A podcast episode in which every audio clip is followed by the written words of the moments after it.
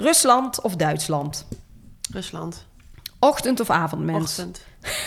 Meteen. NK of EK? Ehm, ik denk EK. Hengst of merrie? Dat is een moeilijke. Ehm, ja, ik denk eh Mary. We could be here. Leuk dat je luistert naar het tweede seizoen van Horse Heroes. De podcast waarin Floor Schoenmakers van EHS Communications in een persoonlijk gesprek gaat met een hypische ondernemer.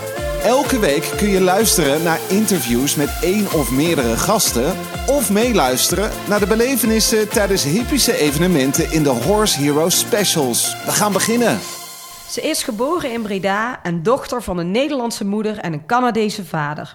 Ze heeft op verschillende plekken in de wereld gewoond en gewerkt en kan overal aarden als er maar paarden zijn. Nu is ze drie jaar samen met haar Russische vriend Alexander, met wie ze samen hun nieuwe stal en stad aan het Haringvliet hebben gekocht. Ze is fanatiek, perfectionistisch, realistisch en een echt familiemens. Vandaag is mijn gast de bekende dressuur-Amazone Dominique Filion. Yay, goedemorgen Dominique. Goedemorgen. Wat leuk dat je er bent. Nou, ik ben blij om hier te zijn. Je vond het heel ver, hè? Ja, ik vond het best wel ver, maar ja. Het was Ben maar er toch. uur. Het was maar anderhalf uur. maar je bent er toch. Ja, nou, we gaan eh, even jouw verhaal aanhoren vandaag. En ehm, we gaan beginnen met hele piepkleine Dominique. Want ik ben eigenlijk benieuwd, ehm, waar ben jij opgegroeid? Ehm, ja, dat is wel een goeie. Ik ben ehm, geboren in Breda, maar daar hebben we nooit gewoond. Dus ehm, ik ben daar alleen maar geboren. Ja. En volgens mij ben ik toen.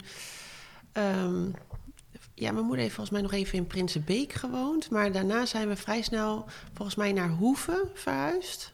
Dus toen was ik echt nog heel jong. Eh, en daar had zij een klein appartement naast een paardenmanege of zo, was het? Volgens Ja. mij is dat eigenlijk, nou dat weet ik eigenlijk heel zeker, wat nu Belvedere is. Dat Oh, was ja? vroeger, daar ben ik opgegroeid. Maar toen was het natuurlijk niet Belvedere. Oh, wat grappig. Eh, dat is wel echt heel grappig. Dus daar zat een huis en daar ben ik ja, eigenlijk opgegroeid. En toen ehm, zijn we daarna verhuisd naar Berg op Zoom. Dus daar heb ik eigenlijk wel een groot deel van mijn eh, jeugd doorgebracht. Eh, daar hebben mijn ouders toen de tijd een huis gekocht samen met mijn opa en oma. ja. Dus ehm, dat was wel heel gezellig, want eh, ja, dan woon je daar echt met een hele grote familie. Daarna is ook zelfs mijn tante en mijn oom daar ook nog komen wonen met mijn nichtje. Dus dat was echt wel ja, een groot huis met eh, heel veel mensen daar. ja. Ehm, toen zijn we in de tussentijd nog ehm, verhuisd naar Vietnam Oh, omdat, ja, dat is heel wat anders. Maar mijn vader, die, eh, die zit in de olie, of die zat in de olie. Ehm, dus die werkte heel vaak in het buitenland. En dat was voor ons best wel ja, heftig om op te groeien eigenlijk zonder vader. ja. Ehm, en eh, toen de tijd had mijn moeder er wel een beetje genoeg van dat ze altijd alleen was. En toen hebben ze besloten dat we gingen verhuizen naar Vietnam. En eh, toen zijn we daar een tijd geweest. Ik ben daar zelf anderhalf jaar eh, geweest. Was je heel jong dus. Ja, toen was ik, ik denk zeg maar 10, 11. Kan je er nog van herinneren? Ja, ik kan alles heel goed herinneren. Heel goed. Het was echt een fantastische tijd. En wat ik me daar het meest van kan herinneren is dat, ehm, dat we zo erg met de familie waren. Ja. Weet je wel, dat dat heel... ehm, ik weet niet, zeg maar, misschien ook omdat we dat in het begin helemaal niet hadden... omdat mijn vader vaak weg was. Daar was dat juist helemaal niet. Daar waren we echt als gezin. Dus ik heb nog een klein, kleiner zusje, of jonger zusje. En toen waren we dus echt met mijn vader en moeder... en dan wij met z'n tweeën, ja, daar alleen in een hele andere wereld... Ja. Dus dat was echt voor ons een hele ja, leuke tijd. Alleen voor mij was daar geen school. Dus mijn moeder heeft mij daar eh, anderhalf jaar, ehm, eh, hoe noem je dat, homeschooling. Oh ja, dus die liep voorop de tijd. Als je kijkt ja, wat we en nou moet ik wel zeggen, als je dan niet naar school gaat, dan krijg je ook niet snel vrienden. Nee. Ehm, dus dat had ik dan wel. Ik was wel heel erg veel eh, bij mijn ouders. En de mensen die we dan kennen waren natuurlijk eigenlijk alleen maar de buitenlanders die daar dan woonden. Ehm, en toen na een tijdje. En toen reed ik dus natuurlijk helemaal geen paard. Dus toen kreeg ik heel erg heimwee naar het paardrijden en naar, ja, naar huis. Echt vooral naar de paarden, denk ik. Dus toen snapte mijn moeder dat heel goed. En die zei: Ja, je mag wel naar huis, maar wij kunnen niet mee. Dus toen ben ik alleen eh, teruggekomen. Toen ben ik weer bij mijn opa en oma gewoond in Berg op Zoom. Oh, echt? Ja. Maar even, heel even nog het stukje daarvoor. Want je zegt dus van, ik miste toen al heel erg de paarden. Dus wanneer ben jij dan gaan Ja, paardrijden? paardrijden was echt... eh, nou, ik kan niet zeggen vanaf mijn geboorte natuurlijk, maar... Ja, mijn moeder zei dat toen ik drie was, dat, ik al, eh, dat ze me al op, op ponies zette, zeg maar. Maar wij, wij zijn echt een paardenfamilie, hè. Dus mijn moeder reed paard, eh, mijn tante reed paard. Ja. Dus wij waren wel echt... Mijn oma heeft paard gereden. We waren wel echt een familie waar paarden heel erg... ja, dat, dat die er altijd waren. En toen we ook in Hoeven woonden... eh, toen woonden we daar bij die stal... omdat Ja. mijn moeder paard reed. Dus ik Oh, was ja. echt altijd met paarden. En natuurlijk kan je niet zeggen als je aan drie bent... dat je aan het paardrijden bent. Maar ik, dan werd ik er wel opgezet. Ja, ja, En- je kwam er al mee in contact. ja, ik kwam er zeker mee in contact. Dus eh, paarden waren echt er in mijn beleving altijd. En wanneer kreeg je dan eh, je, je eigen eerste pony of zo? Was je ook zo jong? Ja, ik denk... Ja, ik denk, het zou ook zomaar vijf kunnen zijn of zo. Ik had meteen een pony. Oh ja. Ja, maar ik moet wel zeggen, dat was nog niet paardrijden. Hè? Dus mijn moeder zei ook van, dan, dan had ik gewoon zo'n klein witje, weet je wel, die eh, in de Ja. rij stond. En dan ging mijn vader met me wandelen als hij er was. En mijn moeder die ging natuurlijk eh, alles met me doen, met die pony. Dus ehm, ja, dat was eigenlijk al meteen. Ik, ik kan niet per se zeggen, mm, misschien was het vijf, misschien was het zes, maar hij was er echt meteen. En toen, want toen ik ehm 13 was, toen reed ik al mijn eerste EK. Dus je kan wel nagaan dat het... Ik moet wel echt heel vroeg zijn begonnen met paardrijden... Ja. als je op je dertiende naar je eerste EK gaat. Want dat is best serieus. Maar je hebt de, in, die, in die tijd voordat je naar Vietnam ging... ook nog, eh ben je toch ook nog Z2 eh, dressuur gereden of zo... Waar je, waar je het Europees kampioenschap in Hartbury hebt gereden. Ja, dat was dus met de pony. Maar dat was... ehm, Was dat voor Vietnam? eh, nee, daarna. Daarna. Dus ik ben eerst... ehm reed ik en toen hebben die ponies die hebben we gewoon gehouden. Ja.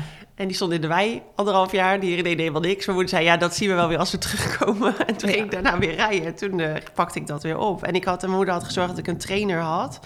Toen de tijd, toen ik weer terugkwam. En toen daarna zijn we dus naar het EK gegaan. En dan kwam jij helemaal alleen terug uit Vietnam. Op Ja. heel jonge leeftijd. Ja, ja oké, maar dat klinkt dan heel spannend. Maar op zich is dat wel goed geregeld bij... Ja, eh, snap ik. Maar, ik bedoel, maar miste je niet, ehm, miste je, niet je, je, oude, miste je niet je, je ouders dan heel erg? Ehm, ja, natuurlijk. Eh, maar ik moet wel eerlijk zeggen dat mijn opa en oma... die, eh, die hebben mij gewoon heel goed opgevangen. En ehm, ja, dat, die, daar waren wij natuurlijk ook zo close mee... omdat wij natuurlijk daar ook al mee samen woonden... toen Ja. we in, Nederland, of in Berg op Zoom woonden. Dus voor mij waren dat ook een soort vader en moeder... En ehm, ik, mijn drang om paardrijden was zo sterk dat ik dacht, ja, als ik dan moet kiezen, dan, dan maar even een tijdje zonder mijn vader en moeder. Maar ik wil, moet gewoon paardrijden. Ja. En natuurlijk ook wel dat ik wel graag wel vriendin. Ik wilde ook wel naar school. Dat mis je toch wel. Dus ben je naar school gegaan? Toen ben ik naar school gegaan, ja. Wat voor een school? Had, zat Oh, je niks op? bijzonders hoor. Er was toen nog gewoon, eh, ja, wat is dat? Eh, middelbare? Of ja, niks bijzonders. Ik heb gewoon een MAVO gedaan. En daarnaast eh, rijden. Eh, na, naast rijden. Maar ik moet heel eerlijk zeggen, ik was eh, helemaal niet geïnteresseerd in school. Nee, alleen maar op. Ja, ja, maar goed, je moet dat dan toch. Dat ja, je verplicht. moet het, dus dat, dat was het. Maar ik deed echt eh, nou, zo min mogelijk als, als het kon. Nooit, bijna geen huiswerk, gewoon een heel dag paardrijden. Ik was helemaal, ik ben, sommige mensen zeggen wel eens van... ik heb nog een leven naast paarden. Ik heb nooit een leven naast paarden gehad. Paarden was mijn leven, is nog steeds mijn leven. Ja. Dus ja, ik, ik vond school gewoon... Ik was wel heel braaf. Ik was niet stout op school, want ik wilde zo snel mogelijk weg. ja. Dus ik wilde niet nablijven of weet ik het wat. Maar eh, ik was er niet veel te vinden. Maar je hebt ah, de MAVO afgemaakt. En wat heb je daarna gedaan? Ja, toen ben ik naar de masterclass gegaan. Dat, dat bestaat volgens mij nu niet meer, maar toen Nee. was dat nog. Ja. Dus toen had je de masterclass en dan kon je ehm, eh, vier jaar in twee jaar doen. ja. Eh, dus dat, eh, dat heb ik gedaan. Dus dan heb je een mbo-diploma. Maar heeft ook natuurlijk wel weer allemaal met paarden te Ja, maken. ook met paarden. Dus dat vond ik dan iets minder erg. Maar mijn moeder zei wel van, ja, je moet wel iets nog doen. Dus toen heb ik dat gedaan. Maar jij woonde toen eh, in Berg op Zoom. ja. En hoeveel had je toen nog ponies of had je toen al paarden? Wanneer heb jij die overstap eh, nee, toen ben ik dus, eh, toen ik 13 was, ben ik dus naar mijn eerste EK gegaan met mijn pony. En ehm, nou, dat vond ik hartstikke leuk. Mijn pony was, was een leuke pony, maar was niet per se de meest ehm, makkelijke pony, vond ik eh, toen de tijd. Ja. Ehm, en toen dat jaar kreeg ik ook het paard van mijn tante, Cyrano. ja. ehm, waar zij ehm, ja, best wel goed mee had gereden. En toen heeft zij Want wie is jouw tante? Anouk Honselaar. Ja, ook bekende naam natuurlijk. Ja, nou ja, zij heeft ook wel eh, Grand Prix gereden vroeger. En eh, ja, zij was natuurlijk ook in de, zeker in de, volgens mij, jo- jongrijderstijd heeft zij ook best wel goed gereden. Ehm, en daarna ook inderdaad Grand Prix, maar niet, volgens mij niet met Cyrano, dat weet ik niet meer zeker. Maar volgens mij heeft ze daar wel Prix St. George of zo mee gereden, maar geen Grand Prix, denk ik. Maar goed, die, had eigenlijk, die hadden ze met pensioen gedaan. Want ze zeiden van ja, die heeft het goed gedaan, die was klaar. En die stond gewoon bij ons in de wei. En bij ons is dan in Berg op Zoom. Ja. En toen zei, eh, toen zeiden ze op een dag, ik weet ook niet eigenlijk wie dat heeft bedacht, maar die zei, volgens- misschien zelfs mijn oma, die zei, waarom ga je, zet Dominique niet op dat paard? Eh, die staat daar maar in de wei, die is nog helemaal goed. En Ja. ja. die is ook best wel fit, die mist die wedstrijden volgens mij best wel, want het was natuurlijk echt een wedstrijdpaard. Dus toen hebben ze mij daar opgezet en dat paard kon natuurlijk al best wel wat. Dus toen kon ik daar eigenlijk zo hartstikke leuk mee rijden. En toen had ik dus eh, na het pony-EK ehm, heb ik me met dat paard ook gekwalificeerd voor het EK. Dus ik had me dat jaar met het pony en het paard gekwalificeerd voor het EK. Ik weet niet of eigenlijk dat ooit gebeurd is, maar toen mocht ik dus eigenlijk met, Alle- met allebei. Ja, maar dat mag dus weer niet.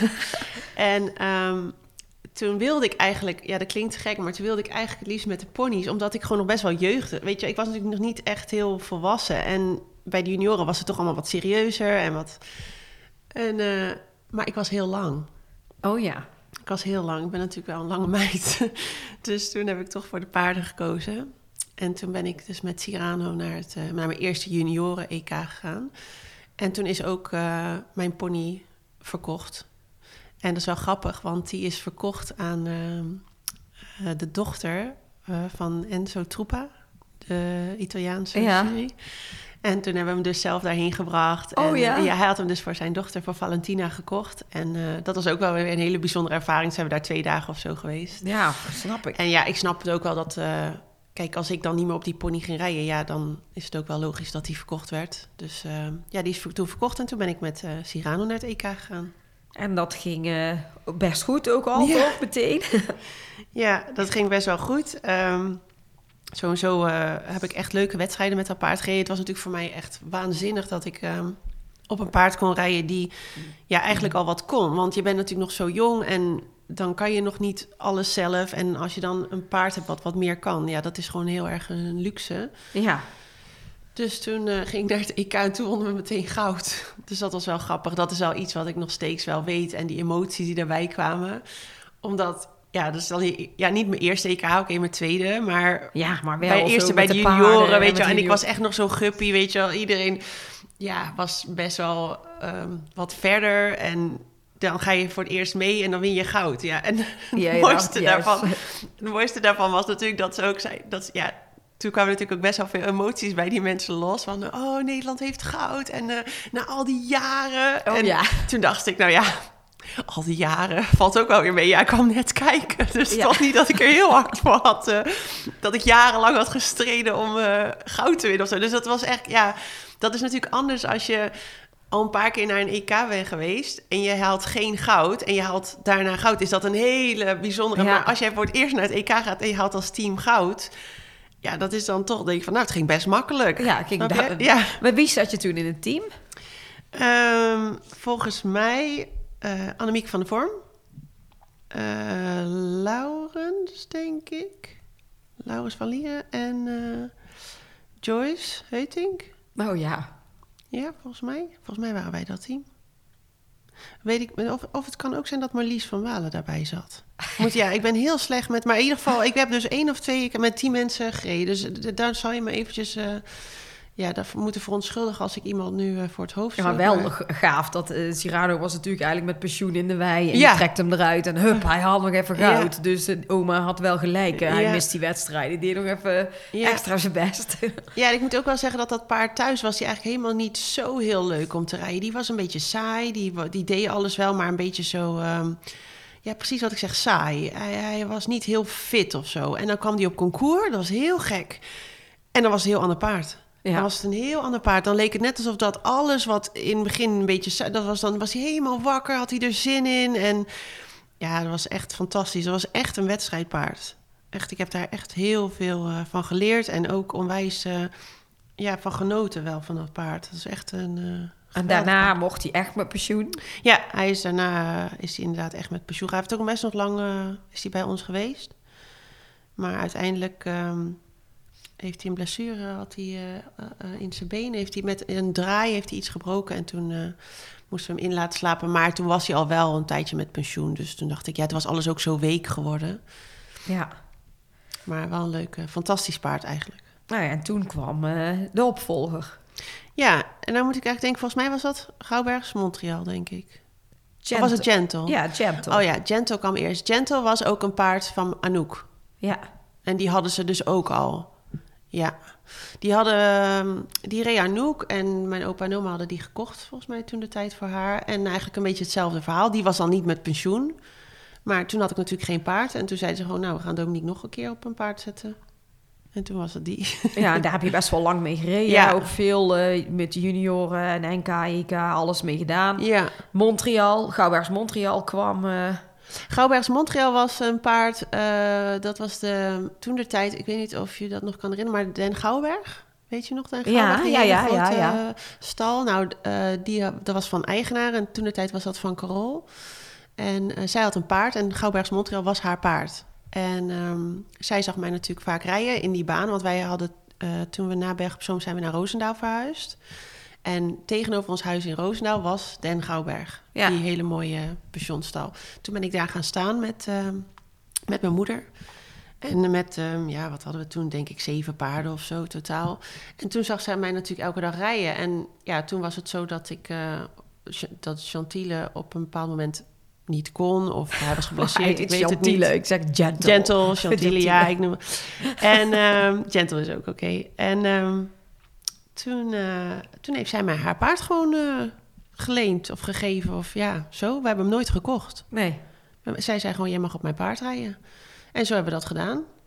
Dus eh, toen heb ik daar ook echt een tijd mee gereden. En het ging hartstikke goed. Zij vond dat ook heel leuk, dat het zo goed ging. Zij kon er wel van genieten. En was ook wel grappig, want haar zoon, dat was mijn eerste vriendje.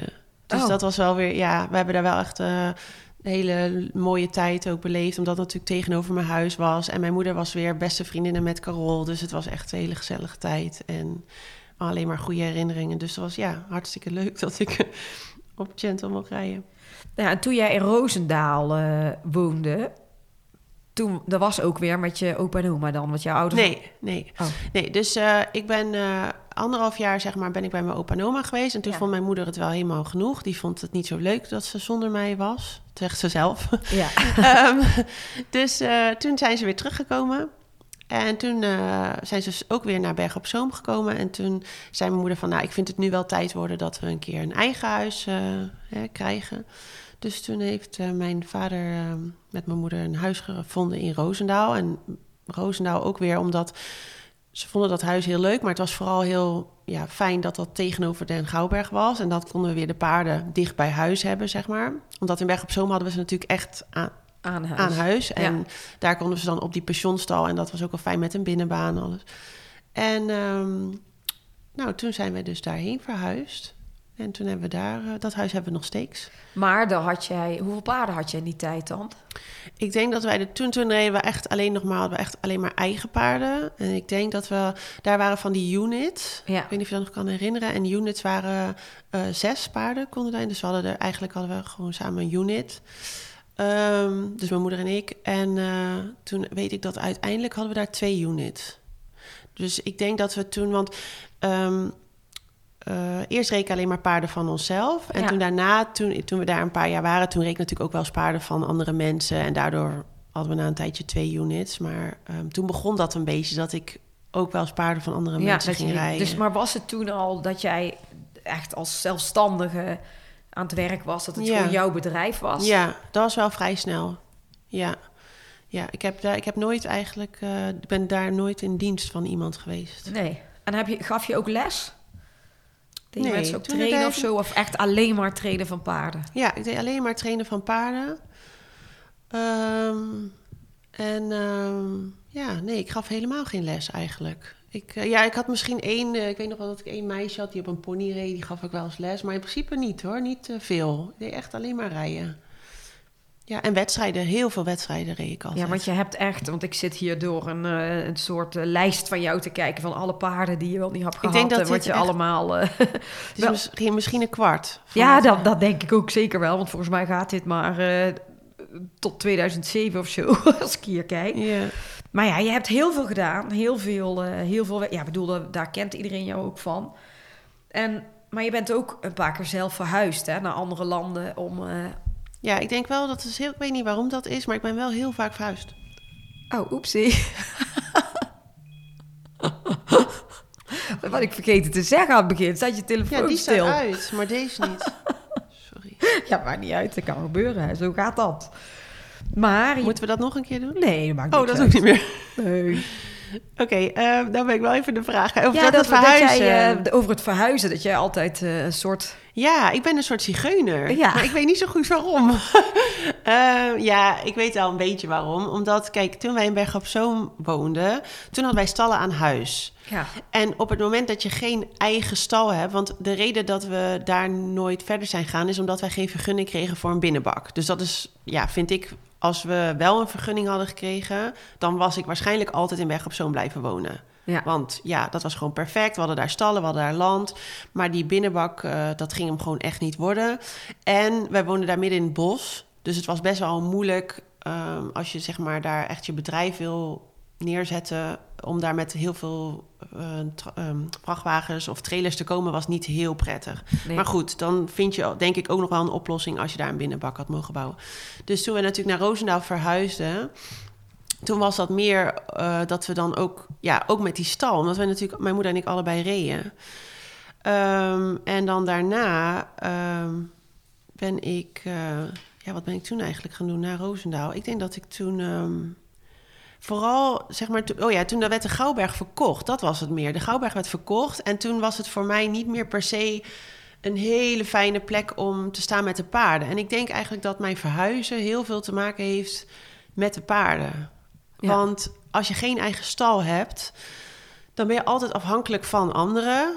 En ik ben heel erg, ehm, ik denk wel dat je het zeikerig kan noemen, maar ik ben heel zeikerig met de paarden. Qua ehm, wat ik wil voor ze. Qua Ja. wat ik wil in kwaliteit van leven voor die paarden. En als ik dan merk dat ik op een bepaalde stal kom waar, ehm, waar de faciliteiten niet perfect zijn, of waar ehm, er dingen worden verteld door mensen dat er gaat gebeuren of komt, en dat is dan niet zo, dan is dat voor mij een reden om daar weg te gaan. En ik denk wel dat dat eigenlijk wel een grote reden is van mijn vele verhuizen eigenlijk. ja. Want ja, ik heb gewoon op best wel veel verschillende pensionstallen gestaan, omdat ja, het heel vaak niet zo was zoals ik eerst dacht dat het was. En Zoals wel wat mijn- jij wilde voor Zoals wat ik wilde voor de paarden. En ehm, dit is wel iets waar ik ook wel eens over twijfel bij mezelf. Want oké, tuurlijk ben ik een sporter, tuurlijk ben ik fanatiek en zo. Maar soms vraag ik me wel eens af van... eh, of het bij mij moeilijker is om topsport te combineren met hoeveel ik van paarden hou Ja, omdat het is wel eens moeilijk om en topsport te doen en eh, het beste te willen voor die paarden. Ja, dat is Ja. wel een beetje moeilijk om uit te leggen. Nee, maar dat, daar heb ik dus daar struggle ik echt wel eens mee gewoon in het dagelijks leven. ja. En ik denk wel dat, eh, dat het voor mij makkelijker was geweest als ik niet zo hoge eisen had gehad. Dan was ik waarschijnlijk nog steeds bijvoorbeeld bij de eerste pensioenstal geweest. Maar goed, ja, ik maak dan dingen mee. Eh, en dan denk ik, ja, ik wil dit niet, ik accepteer dit niet, dus we gaan hier weg. Nou ja, maar ik denk dat dat juist eh, de, ook de hele discussie is eh, die nu overal speelt, eh, wat met paardenwelzijn heeft te maken. Wat jij Ja. zelf altijd al heel sterk hebt gehad. Ja, dat heb ik echt heel sterk. En ehm, nu moet ik wel zeggen, nu dat we dan een eigen stal hebben, dat is echt een droom die ik al zo. Dat heb ik denk ik eigenlijk al sinds Berg op Zoom. Ja, Weet je wel, dat je gewoon een eigen plek hebt, dat je zelf kan bepalen van... oké, ik wil dat er dit gevoerd wordt. Ik wil dat er eh, dat die paarden in de wei kunnen. Ik wil dat er zoveel licht is, zoveel lucht. Weet je, allemaal dat soort dingen. Daar, dat zijn echt dingen waar ik slapeloze nachten van heb gehad. ja. Ehm, en wat ik nu eindelijk... zelf hebben. Komen we dadelijk, gaan we dadelijk Ja. over praten. Want ik wil nog even terug. Ehm, je ging naar Roosendaal dus weer weg. Waar ging je daar, daarna naartoe? Ja, ik denk dat ik toen naar eh, Werkendam ben gegaan. Ik weet Ja. niet of je dat nog kan herinneren, maar daar was ook weer een pensioenstal. Ehm, die was net nieuw gebouwd. En daar eh, was Laurens Ja, ook. Laurens ik kan heel goed met Laurens. Kan eigenlijk best wel goed met heel veel mensen. Maar Laurens vind ik ook echt eh, super Maar Dinja aardig. was toen ook daar. Nee, Dinja was daar toen niet. Nee, maar dat was wel die Da- die. Dinja kwam, Ja, ja, ja. Dinja kwam zeg maar eh, na mij Ja. daar. Maar, eh, of nee, niet na mij, want ik heb ook nog samen gestaan met haar. Maar zij kwam iets later, laat ik het zo zeggen. Toen was eerst Laurens was daar. En die vertelde mij, want ik, ik, ik vraag, vroeg natuurlijk wel eens van... Goh, waar sta jij, weet je wel? Of aan andere mensen, wat is een fijne pensioenstal? En die zei van, Do, kom eens kijken, want ze hebben genoeg plek. Het is een grote stal Ja. en eh, bla bla. Nou, en toen ben ik eigenlijk daarin gegaan. En toen heb ik een woning eh, ook daar in de buurt gevonden. En eh, toen kwam ook nog een vriendin van mij daar, ehm, Annika, ook een dressuurmeisje. Dus toen stonden we daar eigenlijk met z'n allen. En toen is Dinja inderdaad daar ook eh, bijgekomen. En die stond daar dus ook. Ja, het was zo'n grote stal dat Ja. dat makkelijk kon. Dus ja, dat was natuurlijk hartstikke gezellig. Ik, ik vind dat ook nog wel steeds iets... Dat zou best iets leuks kunnen zijn als je zeg maar een pension zou hebben met ehm één of twee of drie, in dit geval eh, dressuurmensen Ja. die gewoon geen ruzie maken en het ook nog leuk met elkaar Ja, hebben. en alle drie ook heel serieus met En alle drie ook heel sport. zijn. Dus dat, dat was ook echt wel gezellig, moet ik zeggen. Eh was ook een leuke tijd. Ehm, en vanuit daar ben ik dus uiteindelijk naar Rusland gegaan. Ja, want wat was dat? Hoe kwam dat? Ik weet nog wel dat iedereen dacht... huh, Ja, dat daar denk ik wel. Nou, dat was ook echt, dat was echt he. Eh, maar dat is eigenlijk ja, een keuze. Als ik hem uitleg, dan denk ik dat iedereen wel denkt... oh ja, ik snap het. Ehm, in Werkendam had ik een gang. Ja, En dat ging hartstikke goed. Ik reed daar alleen maar paarden van anderen. Ik denk dat ik zelf misschien twee paarden had. En de rest was van andere mensen. En eh, nou, ik had daar gewoon mijn bedrijfje. Ik woonde daar in de buurt. Het ging hartstikke goed. En ik had op dat moment ook eh, mijn Grand Prix paard. eh, op dat moment, die Venicenta. Die was van eigenaren waar ik heel goed mee kon. En die heb ik zelf opgeleid. Eh, die kwam bij mij toen die M liep. Dus dat was nog niet zo heel hoog. En eh, nou ja, dat paard is dus uiteindelijk Grand Prix geworden. En ik dacht altijd van, eh, als mensen eh, breken met een ruiter... dan komt dat omdat ze ruzie hebben... of omdat ze ehm, ja, ergens oneenigheid over, hebben, over hadden. Maar in dit geval ehm, kon ik heel goed met deze eigenaren. En toen was ik dus eindelijk Grand Prix. En ja, dat is toch wel eindelijk, want het is best een lange weg. En toen had ik ehm, internationaal gereden in eh Vidoban. ja. En toen heb ik, die, heb ik daar de landenproef gewonnen. Dat was echt mega, ehm, ja, ik- ja, geweldig was dat. En want zat ik in, dus ook in het landenteam. En toen hadden we, dus ook, eh, ja, hadden we daar ook heel goed mee gereden. Het was nog met Wim Erners. Dus Ja. echt een hele mooie ervaring. Oh ja. En toen ging eigenlijk alles hartstikke goed. Hè? Want dan, ja, dan, dan ben je eindelijk daar waar je wilt zijn. En ehm, met een paard waar je heel graag op rijdt. En met eigenaar waar je heel goed mee kan. En toen ging het na een tijdje met een... Oh, ik had... Volgens mij moest ik nog twee scores of zo om in het B-kader te komen. Of in het A-kader. Ik weet het niet meer zo goed. Maar in ieder geval dat ik in een kader kwam. En dat vond ik dan weer zeg maar een soort van nieuw doel. Weet je wel, Ja. dat is toch geweldig. Als je... En het was niet eens zo dat ik dacht van... Oh, ik ga dan naar een EK. Maar wel dat je dan leuke internationale wedstrijden mag rijden. En dat je dan gewoon meer mag. Ja. En ehm, toen eh, ging het wat minder met eh, deze eigenaar eh, financieel privé. En toen vertelden ze mij op een dag dat er paard verkocht moest worden. En ja, dat klinkt heel gek, maar toen, toen stortte echt mijn wereld helemaal in. Toen dacht ik echt, oh, wat erg. En het erge daaraan was ook nog dat, dat ik het gewoon heel goed begreep. Ja. Weet je wel, dat normaal gesproken kan je zeggen van ja, en dan doen die mensen stom. Of, maar ze deden helemaal niet stom. Het was gewoon echt een feit dat het financieel ehm, minder ging. En ze hadden ook eh, kindjes. En weet je, ze waren gewoon een gewone familie die een paard hadden voor het plezier. En daar deden ze ook alles voor. Maar ja, als het dan financieel moeilijker gaat, dan is dat wel het eerste wat Ja. Ehm, weggaat. En voor, voor hun was dat ook echt vreselijk. Ehm, en toen dacht ik, ja, dus nu heb ik alles voor elkaar en dan gaat dat paard alsnog weg. En dan moet ik hem ook nog gaan voorrijden. Nou, dat is helemaal erg, toch? Dat is toch helemaal verschrikkelijk? Ja. En eh, toen was ik wel, ik weet niet of je zeg maar, ehm, ik wil niet zeggen depressief, maar toen wel dacht ik echt van, nou, ik heb gewoon, ik had gewoon echt helemaal geen plezier meer. Toen dacht ik echt van, wat een ellende, dat je zo afhankelijk bent van zo'n paard en van mensen. En ik moet eerlijk zeggen, kijk, omdat dat paard dus ook Grand Prix was, kon ik hem ook niet meer kopen. Dus ik had zelf voor gezorgd Ja, dat hij zoveel dat waard hij werd. zoveel waard werd. En vervolgens kan ik hem niet kopen. En toen zeiden mensen al van... ja, dan moet je een investeerder zoeken. Maar ja, sorry, maar ik ben gewoon in mijn eentje. Ja. En wie moet ik dan gaan zoeken? Ik, durf, ik ben ook niet zo dat ik zo'n grote mond heb... dat ik naar iemand toe ga van... nou, koop dat paard, Ja. weet je wel. Investeer. Dus ik, eh, ik durfde dat ook niet. En ik dacht, nou, gaat gewoon verkocht worden. En eh, toen de tijd had ik eh, wel eh, ook wat paarden daarvoor had ik verkocht aan een Russische man. En toen hij die paarden toen de tijd kocht, toen zei hij bij ieder paard dat hij kocht, uiteindelijk heeft hij er vier gekocht van mij.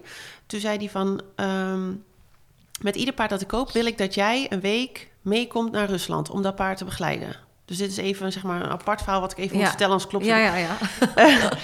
en eh, toen dacht ik, nou, dat wil ik helemaal niet. Ik heb helemaal geen zin om naar Rusland te gaan. Wat moet ik daar? En, maar ja, die eigenaar van dat paard, die zei... ja, jij gaat wel naar Rusland, want ik wil dat paard verkopen. Dus gaat gewoon gebeuren.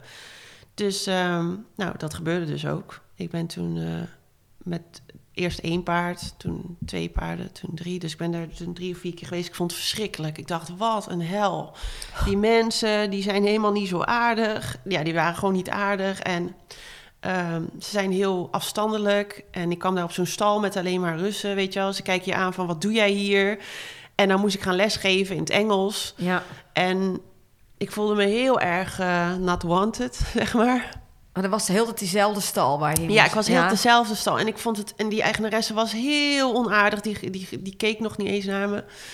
Dus voor mij was het echt puur... Ik, ik telde echt de dagen af dat ik daar was. Ik vond het echt verschrikkelijk. En ehm, toen vroeg hij aan mij... eh, toen zei hij tegen mij, die man, die zei... ehm, ik ga een stal bouwen. En toen zei hij, ik neem jou mee... en dan gaan we kijken waar ik die stal ga bouwen. En eh, toen dacht ik, ja, het interesseert me echt helemaal niks. Die stal waar jij gaat bouwen. Want ik kom hier nooit meer, dacht ik. Ja. Dus toen ging hij dat land laten zien waar hij zijn stal ging bouwen. Zeg, zo'n stuk gras, weet je wel. Dus ik zeg, oh, nou, eh, leuk toch? Eh, succes, weet je wel. Ja, ik dacht, ik kom hier gewoon nooit meer terug. dus, eh, nou, prima. Zei hij, ja, ik zou het leuk vinden als je hier nog af en toe komt om een clinic te geven. Ik zeg, nou, ik denk het niet. Ik denk het niet. Ik heb er helemaal geen zin in. Ja, zo was het ook gewoon. Ik zei dat ook wel. En ja, ik hoef... ho- Het klinkt gek, maar ik wilde ook niks van die man. Nee. Ik heb gewoon mijn werk gedaan. En ik dacht, ja, ik heb het gedaan. En die paarden zijn hier, ze zijn goed. eh, ja, succes.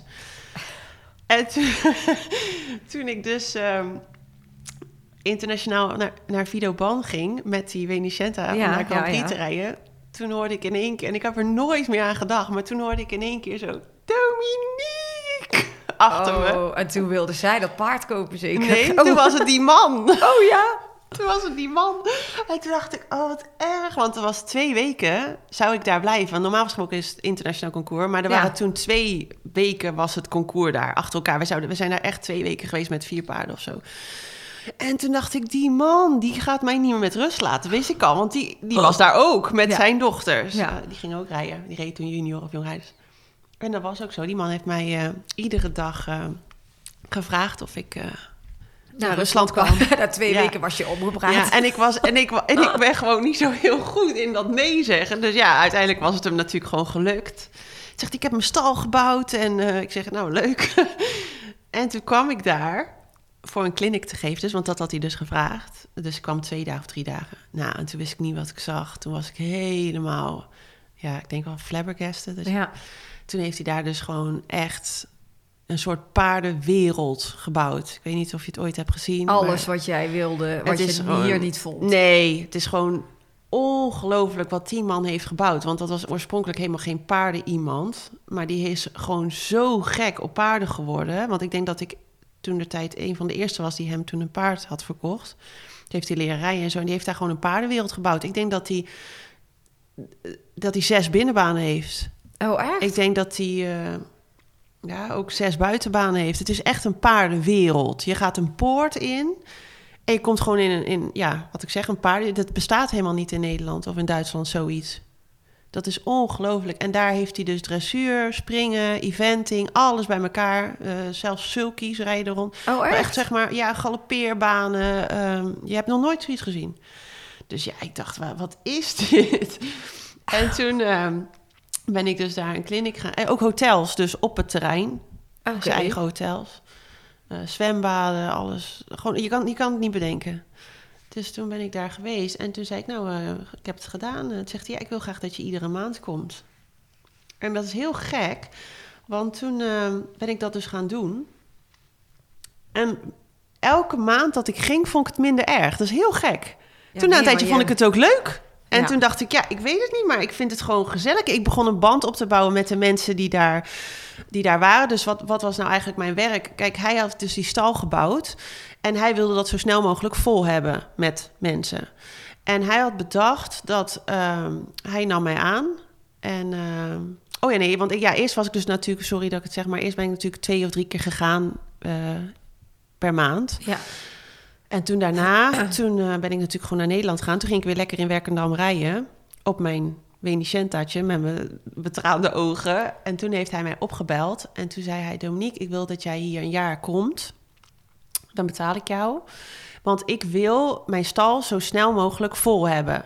En ehm, zijn idee was dat alle mensen die daar kwamen, als dressuurmensen, die konden gratis van mij les krijgen. Oké. En dat zat dan in de pensionstalling. Ja, oh, best slim. Nou, best slim, ja, inderdaad. Dus eh, wat gebeurde? Dus dan maar had hij een lijst. eh, die werd dus op maandag, want dit, zo is het uiteindelijk gegaan. Op maandag werd er een lijst opgehangen.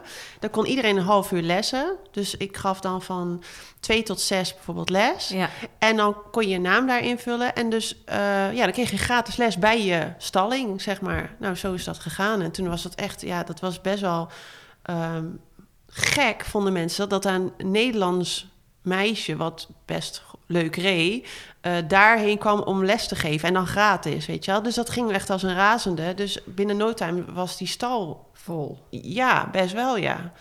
Dus ja, dus dat hebben we een jaar gedaan. En toen, eh, ja, dat heb ik dus uit. En toen, dacht ik dus, om even terug te komen op Benicenta. Toen had hij mij dat dus verteld over het ehm, salaris wat ik ging verdienen en al dingen. En eerst dacht ik van, nou, nee. Maar toen ik natuurlijk zo verdrietig was over dat paard, dacht ik, ja, wat heb ik hier nou? Ik Ja. rijd paarden van andere mensen. Mijn beste paard wordt verkocht. Ik moet weer helemaal overnieuw beginnen. Ik heb echt helemaal geen cent. Want zo was het gewoon. Ja, ik heb wel gewoon, eh, gewoon dat ik mijn dagelijks leven kan doen, maar ik had niks extra's. Eh, ik wilde graag een wagentje wat ik niet kon betalen. Ik heb geen sponsors of zo. Toen dacht ik, nou, dus gewoon helemaal shit. Ik ben gewoon afhankelijk van iedereen. En ik ga elke dag hier liggen janken omdat ze mijn paarden afpakken. Ja. Dus toen zat ik daarover na te denken in de bak. Ik weet dat nog precies. En toen eh, belde hij mij dus weer. Hij zegt, weet je het zeker? Het is echt heel veel geld. Toen dacht ik, ja, ik denk dat ik het toch moet doen. Toen dacht ik, ik moet dat doen, want ik moet dat geld hebben. Ja. Eigenlijk, als ik eerlijk mag zijn, wilde ik gewoon dat geld hebben. Want als ik geld heb, dan ben ik onafhankelijk. Ja. Dat was mijn gedachte. Dus eh, ik dacht, ik moet een wagen hebben en ik moet een paard. Want als ik dat niet heb, dan Ja, gaat maar iedereen moet heel geld huilen hebben. maken. Ja, precies. En het was ook wel een mega eh, spannend avontuur ook wel, als ik het zo hoor. Ja, maar het was nooit... Je moet echt nooit denken dat het mijn droom was om naar Rusland te gaan. Echt nooit. Maar, maar ik wilde gewoon echt... Ik had wel heel erg sterk dat ik onafhankelijk wilde zijn. Maar ik heb daar geld voor nodig. Ja. En ja, mijn ouders eh, zijn niet arm, maar niet dat ze mij eh, gaan sponsoren met een paard van een ton of weet ik wat. En dat, heel eerlijk gezegd, je hebt wel een goed paard nodig, anders kom je nergens. Ja. Dus toen eh, belde ik hem op, toen zei ik, ik kom. En toen heb ik mijn moeder opgebeld. Toen zei ik, mijn mama, ik ga naar Rusland. Zegt ze, nee joh. Ik zei, ja wel, echt. Toen heb ik dan gewoon besloten op dat paard. Want ik dacht, ik ga dit niet meer volhouden. Want ik ben helemaal een wrak. Ik ben elke dag aan het huilen. En dan moet ik dat paard nog gaan Hoe lang is dit geleden?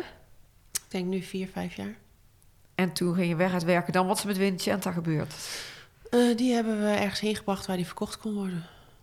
Ik, zei, ik vond het heel moeilijk om dat te zeggen tegen die eigenaren. Maar ik dacht, ja, net zo moeilijk als dat zij het voor mij vonden om dat te zeggen dat ze moesten verkopen, vind ik ook dat ik mocht, eerlijk mocht zeggen dat ik het niet kon. Nee.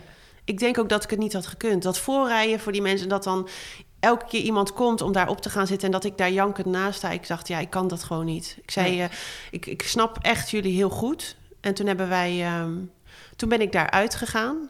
Eh, snap je? Dus eigenlijk zou ik natuurlijk nog een, eh, een geld krijgen voor mijn werk. Ja. Dus toen zei ik van, ik denk dat het beter is dat ik daar uitga. Dan kunnen, zijn jullie vrij om hem gewoon te verkopen. Nou, daar waren ze het mee eens. We hadden nog een paard samen.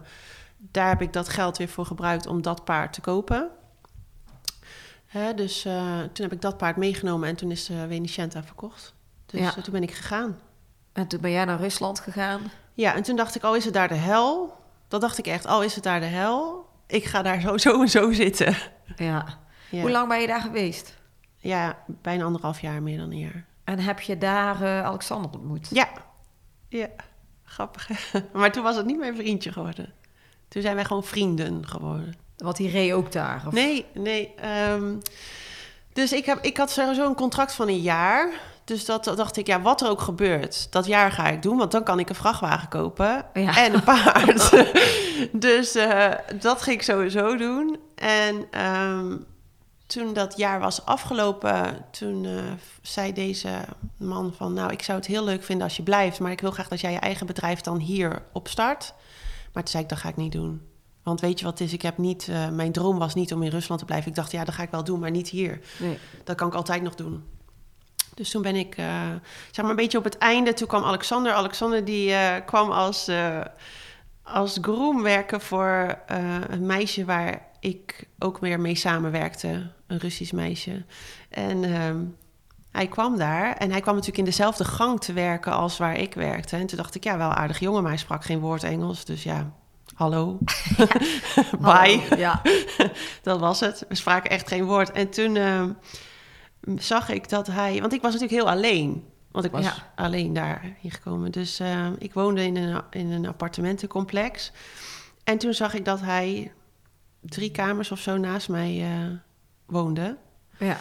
En toen ging ik s'avonds... Want het was natuurlijk best wel saai... als je daar altijd alleen bent in je kamertje... Ik was s'avonds klaar. Ja, als ik dan bijvoorbeeld eh, uit eten wil, iemand vroeg me mee uit eten, ja, dan ging ik uit eten. Maar ja, je bent ook veel alleen. En ik had mijn twee chihuahua's meegenomen. Dus toen ging ik altijd s'avonds zo'n heel rondje, zeg maar, lopen over dat terrein. ja. Vond ik leuk om te kijken en met die hondjes te lopen. Dus toen vroeg ik al na een tijdje, klopte ik bij hem aan. Toen zei ik, ehm, maybe you want to... ja, ik deed weer heel veel met handen en voeten, maar to walk... eh, ik dacht, ja, ik hoop wel dat hij begrijpt. chihuahua. Ja. dus toen deed hij zo van, ik ja knikken. En ehm, toen liepen we dus samen. Maar ja, we konden natuurlijk eigenlijk niet echt heel goed eh, met de telefoon de hele tijd eh translaten. Oh, echt? Ja, ja, want ik moet heel eerlijk zeggen, kijk, we hebben gezegd dat hij Russisch is, maar heel officieel is hij niet Russisch. Hij is eigenlijk Moldavisch. Oh, Alexander komt eigenlijk uit Moldavië. Ehm, en ehm, die hebben eigenlijk ook weer hun eigen taal. Dat is echt bizar. Ehm, maar hij is als jong kind al heel erg snel naar Rusland verhuisd. Dus daarom zeg ik vaak van ja, hij is Rus. Maar eigenlijk officieel is hij dus Moldavisch. Maar hij, ehm, hij praat alleen maar Russisch. Ja, en ik kon wel wat zeggen, maar ook niet heel veel. nee. Dus toen gingen wij eh, best wel vaak eh, rondjes lopen. En toen gingen wij proberen te praten. Via Google Translate. Ja, en eh, toen ging ik dus na een tijdje ging ik weg. En toen waren we gewoon vrienden. Ik wilde absoluut geen vriend daar. Want ik dacht, als ik een vriend hier krijg, dan denk ik, dan moet ik hier straks blijven. Dat ga ik niet doen. Nee. Want ik wilde absoluut niet in zo'n conflict komen. Want ik had een missie. Die vrachtwagen in de vaart. ja, dus ik ben weer naar huis gegaan. Hij is daar toen nog gebleven. En toen hadden we nog wel contact. En toen is hij met nieuwjaar is hij mij komen opzoeken. Eh, heeft hij een paar dagen vrijgenomen. Toen is hij mij komen opzoeken in Nederland. Toen is hij ook gewoon weer teruggegaan. En toen zei hij, als je nou gaat verhuizen... Want ik had dus aan het einde van Rusland... had ik een man ontmoet... en die had mij dus een baan aangeboden in Duitsland. Toen zei hij, als je nou gaat verhuizen van Nederland naar Duitsland... dan let me know, dan kom ik helpen verhuizen. Dat wilde hij graag. Dus ik zei, dat is goed. Oh ja, tuurlijk. Want je was terug in Nederland. Want je uiteindelijk na anderhalf jaar Ja. Rusland... want je wilde dat paard en de Ja, vrachtwagen. maar dat toen ging je weer even... Ook daarna weer naar Duitsland. Toen ging ik daarna naar Duitsland omdat ik daar een baan aangeboden had gekregen van een Rus in Duitsland. Dus toen eh, ben ik daarheen gegaan. Ja, En hoe lang ben je daar geweest? niet zo lang, want ik vond het vreselijk. Eh, ik denk vier, vijf maanden.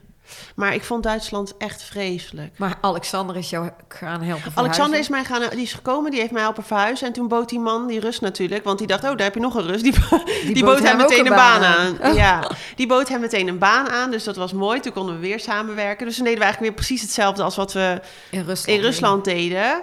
En ehm, dat, is, klinkt- dat is misschien wel een beetje gek om te zeggen, maar ehm, toen waren wij nog steeds gewoon vrienden. Eh, en toen heb ik op een avond, ja, dat is echt heel erg, maar wij zijn dus op een avond met mensen, vandaar zijn wij, eh, ik weet niet eigenlijk of ik dit kan zeggen, maar wij zijn uitgegaan. Ja. En toen, ik denk dat er toen iemand iets in mij drinken heeft gedaan, maar toen dacht ik echt dat ik dood ging. Oh, Eh, echt? ja, ja, toen heeft eh, een vriendinnetje van mij en ik, wij zijn heel ziek geworden die nacht. Echt abnormaal ziek. Ja, nou ja, dan weet je En het toch zo ziek dat, ehm, dat ze twijfelden of dat wij opgehaald moesten worden door een ambulance. Of dat we het, weet je wel, het was echt heel heftig. En toen was Alexander er heel de avond, terwijl ik echt, nou ja, het klinkt heel erg, maar ik had echt ik was heel vies. Ik was Ja. helemaal onder de speeksel en ja, je, weet, je snapt wat ik bedoel. Ja. En toen was hij mij zo aan het verzorgen. En toen dacht ik van, ja, ik was zo blij dat hij er was. ja, snap ik. En ik voelde me ook zo alleen. En toen was ik zo gelukkig dat ik iemand had. Want ik dacht echt van, nou, ik, ik overleef Oh, wat dit eng, niet. joh. Ja, dus ehm, toen eh, dacht ik wel, ik denk dat ik deze jongen iets dichter bij me moet houden dan Ja. alleen maar vrienden. Maar toen is wel echt dat, ik was echt, ehm, ja, dat klinkt heel gek, maar ik wilde echt geen vriend. Ik wilde gewoon echt heel onafhankelijk zijn. En ik dacht van, ja, misschien dat diegene mij dan gaat eh, weerhouden van wat ik wil. En mijn droom is, zeg maar, paardrijden. Ja. En dat wil ik al mijn leven. En ik wil dat niet laten afleiden door een vriendje of zo, die dan andere gedachten heeft. Maar ik had natuurlijk wel gemerkt dat Alexander net zo gek was op paarden als dat ik was. Dus dat was wel leuk. Maar toen dat gebeurde, toen ging ik in één keer, ja, toen keek ik er gewoon anders naar.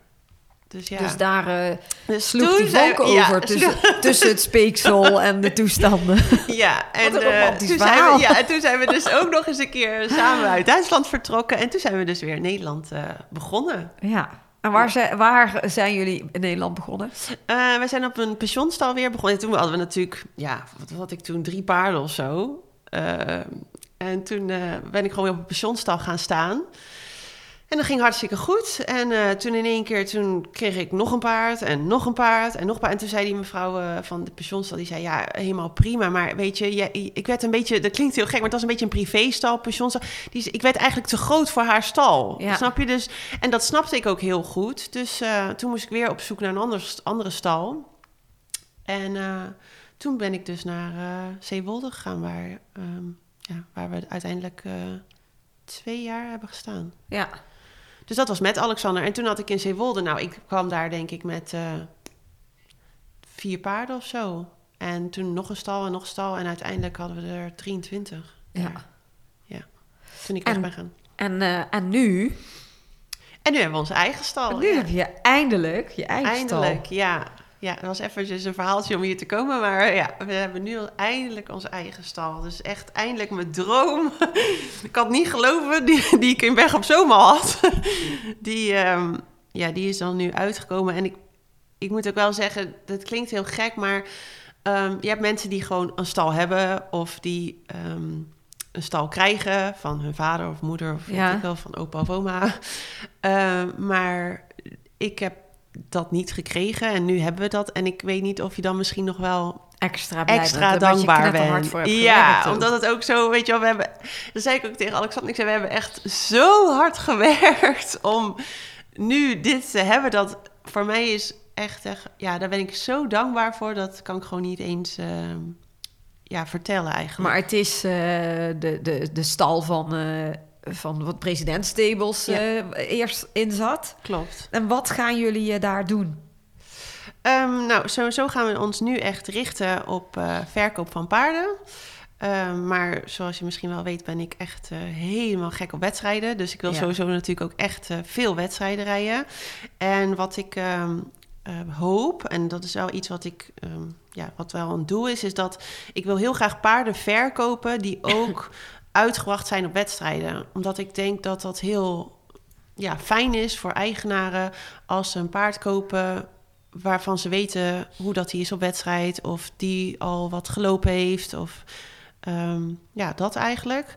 En eh, we staan heel erg open voor eh, mensen van buitenaf die dus willen komen voor trainingen of langere periodes, eh, ja, eh, intern zeg maar, bij ons willen blijven voor eh, wedstrijden en ook mensen uit het buitenland.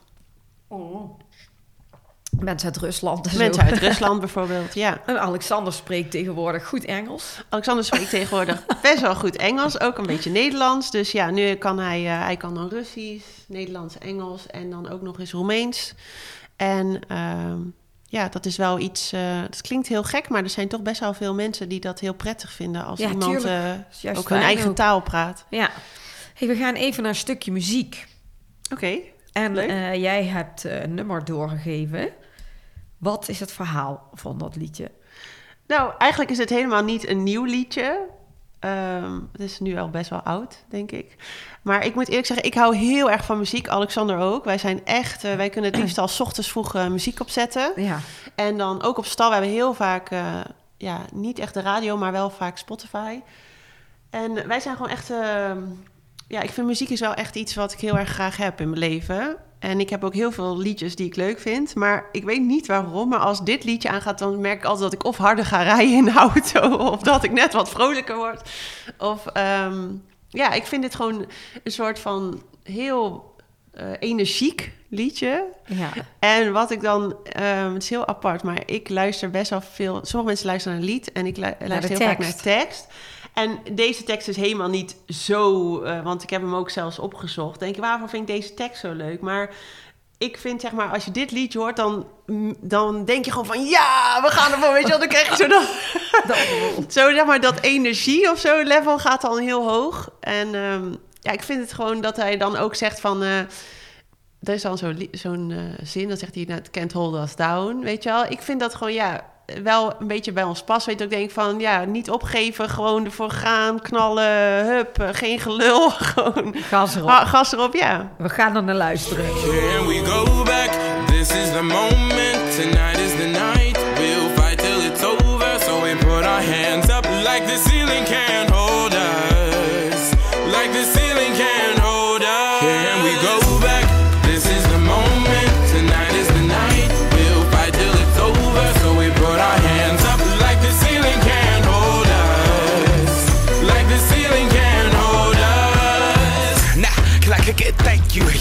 I'm so damn grateful. I grew up really wanna go fronts, but that's what you get when Wu Tang raised you. Y'all can't stop me. Go hard like I got an 808 in my heartbeat. And I'm eating at the beat like it gave a little speed to a great white shark on shark week. Raw, time to go off, a gone. Deuces goodbye. I got a world to see. And my girl, she wanna see Rome. Caesar make you a believer. Nah, I never ever did it for a throne. That validation comes from giving it back to the people. Now sing this song and it goes like. Raise those hands, this is our party.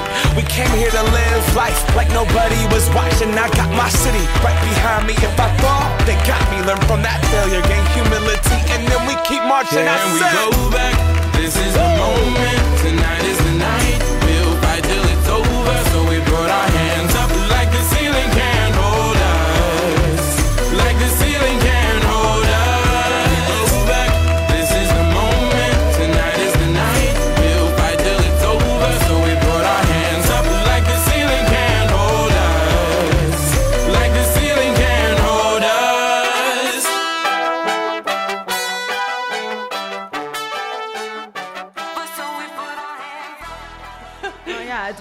We zitten nog even helemaal in de energie van Dominique. Van dat liedje. hey, wat, eh, wat zijn jullie plannen voor eh, de komende jaren? Ehm, wat ik graag wil of wat er gaat gebeuren. Ja, Nee, kijk, als ik ga zeggen van eh, wat ik wil, dan wil ik sowieso heel goed Grand Prix rijden. Hè? En ehm, dan kan je wel zeggen van ja, ik wil Olympische Spelen of ik wil EK, weet je, ja, allemaal heel leuk. Maar goed, eh, heel veel mensen willen dat en heel veel mensen hebben ook hele goede paarden. Dus ehm, je moet wel een beetje realistische doelen stellen, want anders word je heel de tijd teleurgesteld. Ja. Ehm, dus als ik nu zeg van wat wil ik nu? Ik wil gewoon heel graag eh, dat we nog mensen kunnen helpen aan goede paarden waar, ze, waar mensen dus verder mee kunnen komen in de toekomst. Dus dat we leuke paarden kunnen verkopen. Eh, maar voor mezelf zou ik zeggen, ja, ik wil gewoon echt heel goed Grand Prix rijden. Eh, met een paard waarvan ik ook denk van ja, die kan ook echt wel hoger scoren. Want als je nog nooit Grand Prix hebt gereden, dan wil je graag Grand Prix rijden. ja. Als je nog nooit 70 hebt gescoord, wil je graag 70 Ja. scoren. Dat heb ik al gedaan. Dus nu denk ik van ja, waarvoor zou ik nou echt een beetje een soort van. eh, een soort van euforie van krijgen. Nou, misschien als ik 75 rij, snap je? Dus dat, dat ga je natuurlijk wel. ehm, eh, die doelen ga je wel bijstellen. Dus dat zou natuurlijk leuk zijn. Ehm, maar waar ik ook heel erg van geniet is gewoon... Kijk, als ik eh, met leuke paarden Prix St. George rijd... vind ik ook heel leuk. Of als een jong paard ehm, goed doet in die jonge paardenrubriek... vind ik ook heel leuk. Dus ik wil eigenlijk het liefst eh, lekker meedoen. En... ehm, En privé? Een privé. Nou, wij zijn eigenlijk gewoon heel gelukkig samen. Wij gaan nog geen kindjes krijgen. Trouwen. Eh, het trouwen, ja, trouwen hebben we wel aan gedacht. Maar ja, ik vind het... Wij zijn allebei van, nou, als we gaan trouwen is leuk. Als we niet trouwen is ook prima. Wij zijn best wel nuchter, ja. Ik dacht wel van, nou, op de nieuwe stal is wel een mooie locatie... om een, groot feest. feest te geven, precies. Kan ook Dus, zonder ja. trouwen. Hè? Ja, misschien. Maar goed, eh, dan moet hij me wel vragen. Of ik moet hem vragen. Ja. Maar ja, wij zijn echt al wel... Wij zijn wel echt nu... Drie jaar of zo zijn wij samen. En wij zijn wel echt hele dagen samen, hè? Dus dat is best wel eh, Pittig. pittig. Ja. Maar tot nu toe gaat dat heel goed. En we zijn ook heel anders. Ehm, soms denk ik van misschien moet je juist niet heel anders. Maar aan de andere kant denk ik, ja, ik vind hem wel alles wat ik niet ben. Dus dat is ook wel weer goed, denk ik. Ehm, ik krijg een nieuwe chihuahua, daar heb ik heel veel zin in. we hebben er nu twee, ik wil er graag nog meer. Dat is wel iets... eh, ja, en verder gewoon, weet je wel, gewoon heel veel plezier met paardrijden beleven. En wat ik wel heel fijn vind, dat had ik ook in het begin gezegd... dat we nu op de nieuwe locatie gewoon die paarden kunnen behandelen... zoals Jij ik wil. altijd in mijn gedachten heb gehad. Zodat ze allemaal naar buiten komen en dat ze goed te eten krijgen. En dat ze gewoon ook... Want dat is altijd mijn grootste dilemma geweest. Dat ik vind als je een paard wil laten presteren... dat hij ook echt behandeld moet worden als een topsporter. En dat Ja. vind ik heel vaak dat dat niet zo is. En dan denk ik, ja, hoe kan je nou verwachten dat dat paard het heel goed gaat doen... als Ja. hij eh, niet goed te vreten krijgt of zo, weet je wel? Dat soort dingen. ja, maar je kan je nou jouw eigen paardenwereld bouwen daar. Ja. Dat is wel te gek. Ja, dat is wel gek. En ook dat je gewoon mensen om je heen kan creëren die jij om je heen wilt hebben. Want ehm, ik ben best wel ehm, eh, een soort van ja, gevoelig voor negativiteit of mensen met een beetje eh, iets om zich heen waar ik dan. Ik hou heel erg van positieve mensen. En daar, als je natuurlijk een eigen stal hebt, dan kan Ja. je ook mensen om je heen hebben die je heel graag om je heen Ja, hebt. Alle En- negatieve aura's ja, wegwezen. ja. En op een pensionstal, waar ik natuurlijk eigenlijk bijna mijn hele leven op heb Ja, gestaan. daar heb wat je niet zoveel te zeggen. Nee. natuurlijk. hey, en je familie, opa en oma? Nou, dat is ook superleuk dat mijn opa en oma... die uiteindelijk hebben dus het huis in Weg op Zoom verkocht. Ja. Die zijn in het huis gegaan van mijn vader en moeder in Roosendaal. En daar is eh, de helft van het huis zit dus mijn opa en oma... en de andere helft zit mijn zusje. Oh. Die is daar haar B&B begonnen. Ik weet niet of je dat Oh weet. ja, inderdaad. Die Ja. zat bij, eh, hoe heet het nou? Eh, En B&B vol liefde. Ja, daar was ik echt helemaal fan van. Ja, elke keer, die elke dag gekeken. Oh, wat grappig. Ja, die heeft daar aan meegedaan. Ehm, die heeft daar niet haar liefde gevonden in Nee. dat programma. Maar Die heeft wel een hoop laten klussen. Dan die heeft wel wat laten klussen, ja. En eh, dat gaat ook hartstikke goed met de B&B. Dus eh, ja, die is daar vol mee bezig. Die heeft ook niks met paarden. Dus eh ja, was ook heel apart dat die gingen paardrijden in dat programma. Want mijn zusje die zei ook van, heb je de verkeerde? Ja. Ehm, maar goed, dus mijn zusje is daar. En eh, mijn vader en moeder die hebben besloten dat ze graag in Spanje willen wonen. Dus die zijn... eh, mijn vader reist nog steeds heel veel voor zijn werk. Hij is heel veel in Dubai en eh, Abu Dhabi en dat soort landen. nog steeds met olie. Ja. Ehm, maar mijn moeder gaat wat vaker met mijn vader mee. En ze willen uiteindelijk dan eh, een huis kopen in Spanje. Maar nu zijn ze nog een beetje aan het oriënteren van hoe en wat. Dus zij eh, zijn nu eh, ja, een beetje daarmee bezig. En ik ben heel blij dat ik dichter bij mijn opa en oma woon. En Ja. mijn opa en oma, ik, ja, ik denk wel dat jij ze ook nog kent. Die Ja. zijn echt de trouwste fans. Ja. En zijn ook heel erg gek op paardensport. En ja, ik durf bijna te zeggen dat als je mijn opa niet kent in het dressuur, dan waar ben je dan geweest? Ja. Want ja, die, die is echt gek op zoveel mensen. En ook echt, vind ik wel, heel erg supportive tegen anderen. En ook, kan ook echt blij zijn voor anderen als ze goed presteren. Hij is echt een sportmens. En Ja. ja, ja dat is wel iets eh, wat ik ook wel vaak andere mederuiters tegen me zeggen van... oh, ik had toch een kaartje van je opa. Oh, en ja, dan denk ik, jeetje, wauw. Dat is echt, vind ik echt zo leuk dat zij daar zo eh, ja, mee bezig zijn. En ja, ja, maar je zei ook in het begin dat je een beetje zo'n eh zigeuner bent... die de hele wereld eh, overal naartoe verhuist. Ja. Hoe oud ben jij nu? Ik ben nu eh 21. Nee.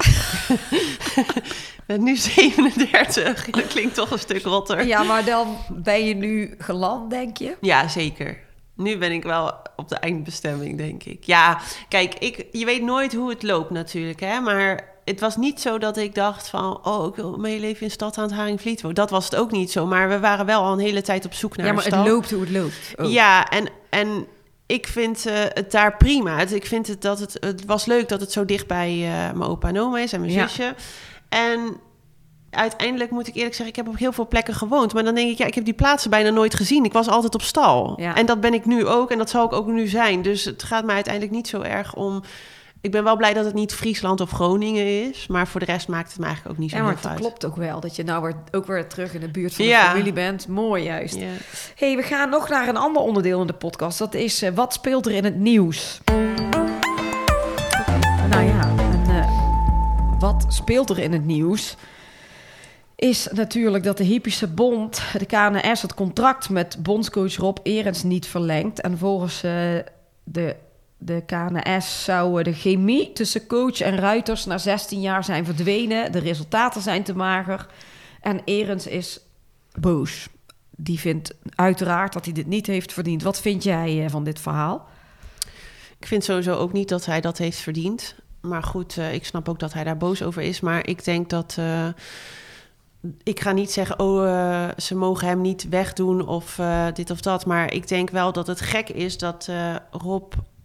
Dat het voor hem echt maar, zeg maar als een klap kwam en dat Ja. hij het helemaal niet had verwacht. Dat, Ja. dat, ik denk dat dat het meest. eh, ja, het grootste probleem eigenlijk is. Dus niet eens dat, het, dat ze willen stoppen, want dat kan natuurlijk. Maar dat hij dat helemaal niet heeft zien aankomen. Ik denk dat dat echt het grootste euvel is. Want ik vind wel dat ehm, eerlijkheid eh, wel op zijn plaats was geweest. En dat, dat, hij, dat de KNS ook had moeten aangeven van tussendoor... van goh, Ja. eh, Rob, luister eens... die en die resultaten zijn misschien niet helemaal wat we verwacht hadden. Of ehm, vind je niet dat... Weet je, dus ik, ik denk dat dat het leuker of in ieder geval fijner was geweest voor hem... als ze tussendoor hadden aangegeven dat ze het niet zo goed vonden gaan. Ja. En als ze dat hadden gedaan, dan was waarschijnlijk de klap van...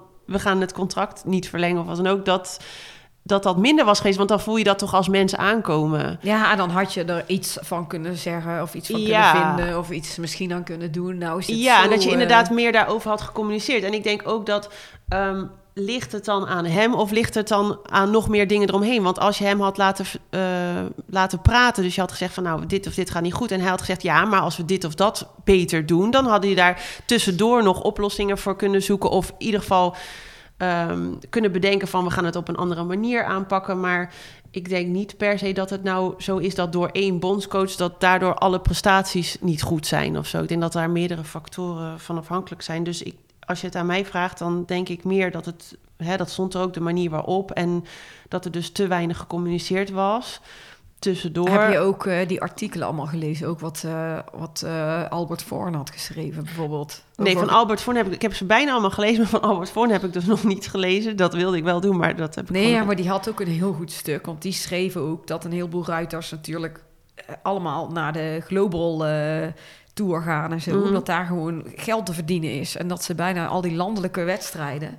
of al die landenwedstrijden, veel minder vaak rijden. Omdat dat ook weer met geld te maken Ja. heeft. Dus dan denk je, het heeft best wel met, met meer dingen te maken. Ja. Ook, eh, Ja, dat, zo, dat zal sowieso zijn. Maar ik, ik uiteindelijk, meestal, ja, ik zie dat ook wel, dat klinkt heel gek, maar als mijn vriend en ik ruzie hebben, dan denk ik altijd van, jeetje, hoe kan het nou dat wij nou de ruzie hebben? En dan kom ik uiteindelijk altijd uit op communicatie. Dat we ruzie hebben omdat we, of ik of hij, ergens niet goed hebben gecommuniceerd, waardoor iemand anders wat anders denkt en waardoor Ja. dan, en dan gaat het hele riedeltje. En dan denk ik, oké, weer communicatie. En dan, als je dan zoiets ziet, dan denk je, ja, sorry, maar Maar ja, Eigenlijk ik vind weer, Het het is gewoon- sneu, want we kennen Rob best wel goed. En dan weet je hoe die man eh, ik denk als, daarvoor leefde. Dan had hij dit echt niet verdiend. Dat is Nee, wel met echt, hart en eh, ziel, sneu. denk ik. Ja, echt heel sneu. Maar En, ja, en ook eh, denk ik dat je dan, zeg maar, nu ook, dan niet alleen met Rob, maar ehm, het is gewoon best wel een negatieve vibe weer Ja. over die hele paardensport. Wat ja. we eigenlijk helemaal niet nodig hebben. Want Nee. het is al niet echt eh en gezellig. maar ook weer naar de KNS. Ja. Ook eerlijk gezegd. Wat eh, ook wel vaker gebeurt door... Maar dan moet ik ook wel zeggen, als ik dan dat ook lees over de KNS, dan zeggen ze van ja, je moet, eh, weet je wel, eh, stap eruit of ik, st- eh, ik stop mijn startpas. Weet je, heel veel, maar heel veel individuele mensen die zeggen dan hun startpas op. Maar dat klinkt heel gek, maar voor mij is dat helemaal geen optie. Nee. En dan denk ik ook van ja, je kan wel heel tijd zo daarover, maar we hebben natuurlijk ook maar één zo'n bond. Dus Ja. die heeft ook het alleen recht. Je hebt niet echt, zeg maar, als er twee of drie waren, kan je nog zeggen, nou, dan gaan we naar die of dan gaan we. Maar ja, zij kunnen natuurlijk ook alles doen, Ja. omdat ze alleen zijn. Ja. Dus ja. Ja, dat is het ook. Maar het is wel eh, nou, het is in ieder geval. eh, niet zo Niet, eh, handig nee. geweest allemaal. Laten we het daar maar bij houden. we gaan naar het laatste onderdeel van de podcast. Dat is de vragenpot. oh jee. Waar is die? Daar is die. Dan mag je vraag eruit halen. En mag ik dan die vraag aan jou stellen? Nee, of het is ik pak het en ik moet het ook aan mezelf gaan vragen. Ja, een antwoord op geven. Oké. En als hij niet leuk is, dan stop ik hem terug en dan pak ik een ander. Ja, dat zou kunnen. Als die niet leuk is, geef ik gewoon geen antwoord. Heb je vandaag een complimentje gegeven? Nou, om heel eerlijk te zijn, eh, ehm, is het best wel vroeg. Dus ik heb nog niet heel veel mensen gezien. Maar ik denk dat ik jou een complimentje heb gegeven toen ik binnenkwam. Maar ik weet niet of ik me nog kan herinneren. Ja, dat je mijn kantoor leuk ja, vond. nou, dus ja. ik Dus kwam ja. hier binnen en ik vond het kantoor heel gezellig en leuk. dus dus ik heb het gedaan. Jippie! Vraag 1, correct. Ja, zo'n groen vinkje. Moet je ook weer terug? Ja, oké, oké, maar de vraag, vraag 2, de Oké, volgende. de volgende.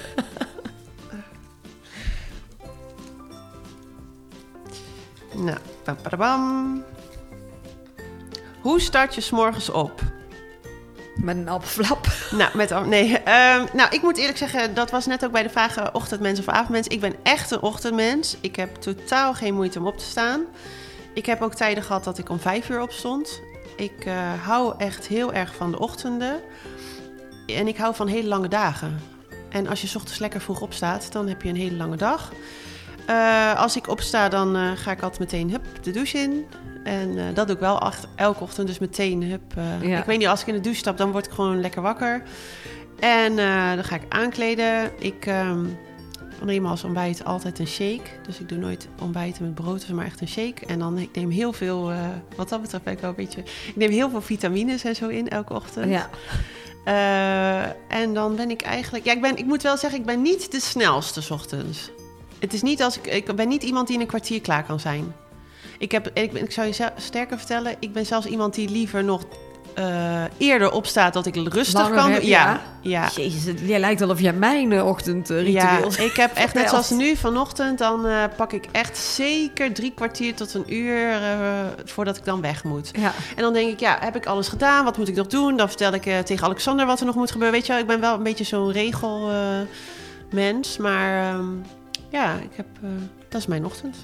Ja. Niet heel spannend, maar wel heel actief. ja, nou, heel vroeg. Ik vind het leuk. Volgende vraag. Laatste vraag. Doe er Oh, nog laatste. één. Oké, nou dan gaan we een hele spannende doen. Ja.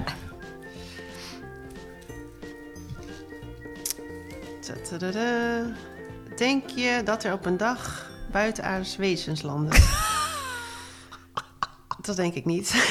ik ben heel realistisch eh, en niet echt. eh, ja, realistisch, kijk, dat vind ik. maar ik, nee, ik geloof helemaal niet in eh, dit soort dingen. Geen buitenaardse wezens gezien Nee. in Rusland en zo.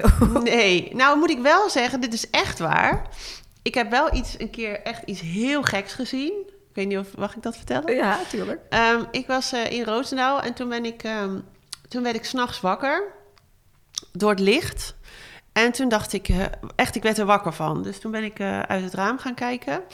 En toen zag ik een heel, ja, echt een soort, ja, dat klinkt heel gek, maar echt een soort UFO, zeg maar. Zo'n heel grote schotel. Ja.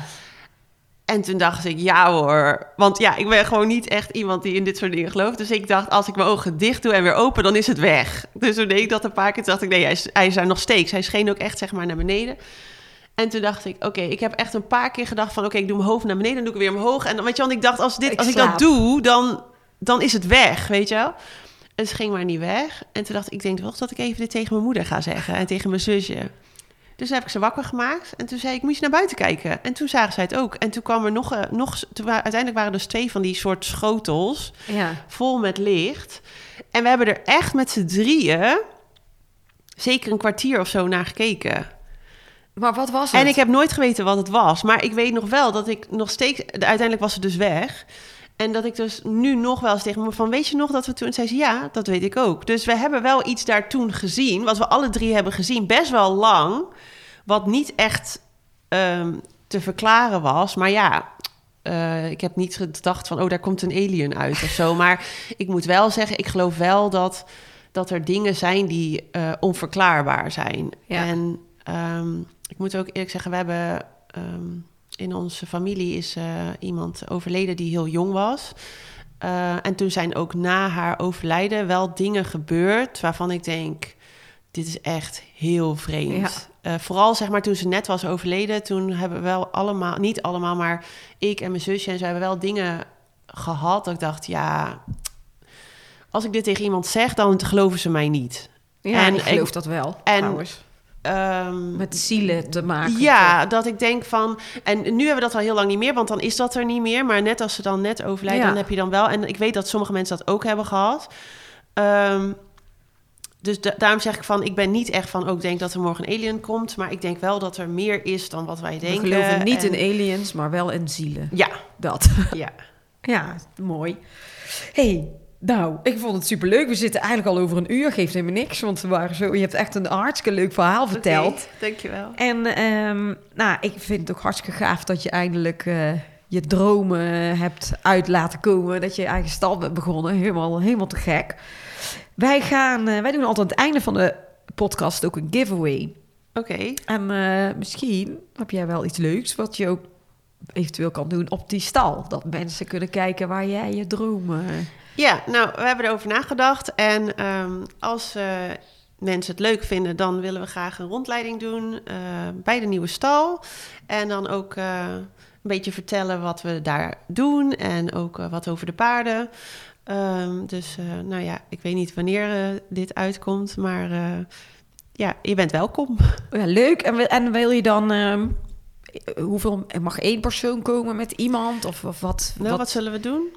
Twee? Twee mensen? Ja. Met die met iemand? Ja. Mogen, ja, leuk.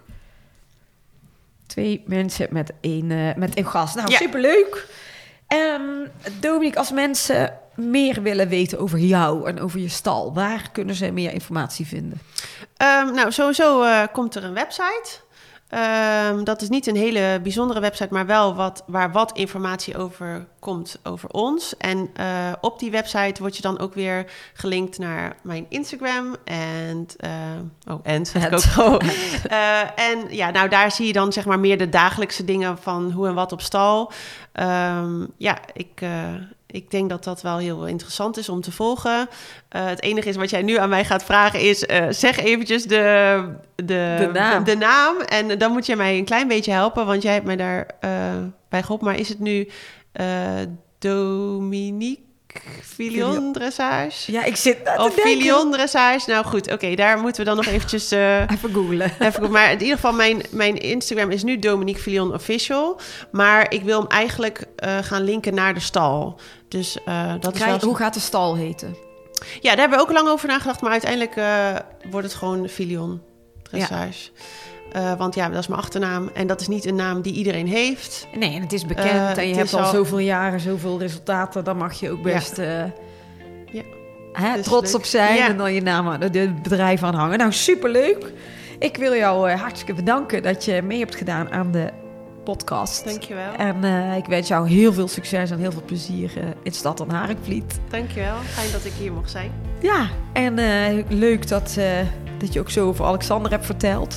En eh, nou ja, we gaan het volgen. En ik wens je veel succes. En iedereen bedankt voor het luisteren. En tot volgende week. We